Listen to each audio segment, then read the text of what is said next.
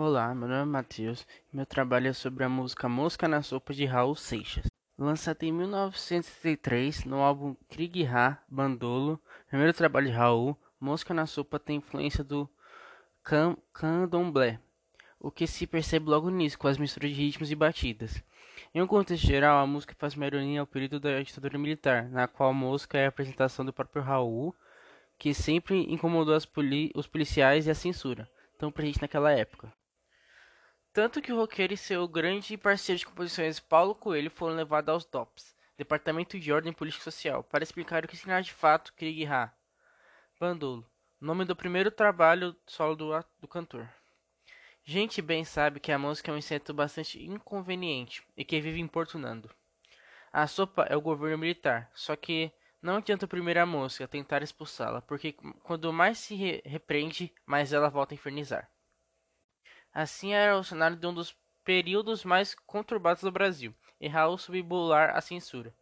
Em alguns momentos, para passar a mensagem que queria, a letra de Mosca na Sopa tem diversos trechos que se repetem, algo pro proposital, para deixar clara a mensagem e o simbolismo da própria mosca. Um inseto complicado, irritante e que sempre vem nos perturbar quando estamos comendo. A frase da música questão é: Eu sou a mosca que pousou em sua sopa. Eu sou a mosca, a mosca que pintou para lhe abusar.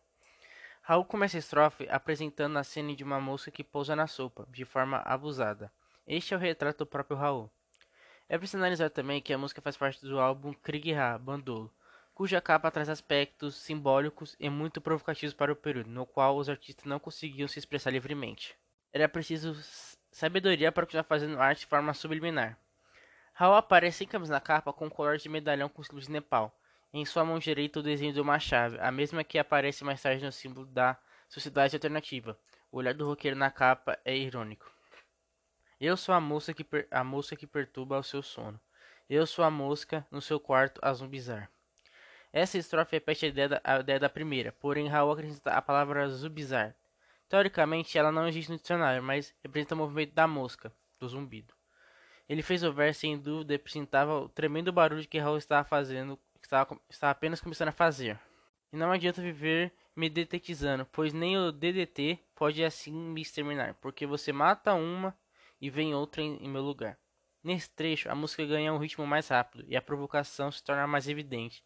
Ele ressalta que não adianta detetizar, ou seja, não adianta calar, matar e perder tudo o que os, mili os militares faziam na época. Se extermina uma vez, uma, uma vez outra no lugar e o rebuliço continua. Afinal, Alguém tinha que fazer oposição, não é verdade? Era também um grito de revolta de Raul e de tantos outros artistas que sofreram opressão. Atenção, eu sou a, eu sou a mosca, a mosca grande, a mosca que perturba o seu sono. Eu sou a mosca no seu quarto, a zum zum bizar, observando e abusando. Olha do outro lado agora, eu tô sempre junto de você. Água mole em pedra dura, tanto bate até que fura. Quem, quem é? A mosca, meu irmão. Se utilizando algo muito marcante na trajetória de Raul, a letra de Mosca na Sopa continua, agora pedindo atenção para um inseto gigante. Não era um inseto pequeno, sem importância, era algo bem visível. Era gigante e capaz de perturbar o sono, de entrar no seu quarto para zumbizar. E repare que ele complementa a estrofe falando sobre observação, e ironiza dizendo que está sempre junto de você. Raul usa o pronome eu, mais uma vez dando a entender que a música se refere a ele próprio, mas também podemos interpretar a letra de Mosca na Sopa através de uma visão sobre o que a ditadura simboliza naquela época. A música é o próprio povo, e a sopa ser os militares, uma grande metáfora usada por Raul. Raul Seixas é um símbolo na música de protesto do nosso país. Foi uma mosca que incomodou e que continuava incomodando por muito tempo, se não fosse se ouvissem bebidas.